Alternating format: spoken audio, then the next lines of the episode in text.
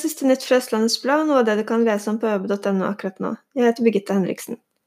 Kolbotn står uten poeng etter to serierunder. Vålerenga tok med seg alle poengene etter å ha snudd kampen på Sofiemyr. Se bildene fra kampen på øve.no.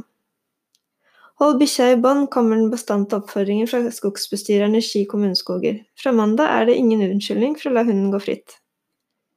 Follo HK forlenger ikke kontrakten med sin førstemålvakt denne sesongen, Vladan Abramovic. Se hvem som blir klubbens nye målvakt på øbe.no. Komiker Terje Sporsem er ikke redd for forandringer. Privat har det heller ikke stått stille.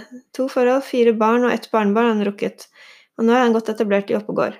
Der trives han, på scenen og på kjøkkenet.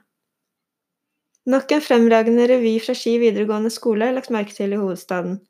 Skirevyen er nominert til både Årets revy og tre andre priser, og det hele blir avgjort på onsdag. I ti år har vært og daglig leder Vebjørn Orflot og vertinne og restaurantsjef Helene Jaren eid og drevet Gamle Tårnhus restaurant på Kolbotn. Nå går de for ti nye år som vertskap for det velrenommerte spisestedet.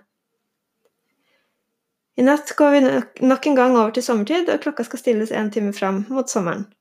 Husk også at du får tilgang til alle saker på øve.no i fem uker for fem kroner.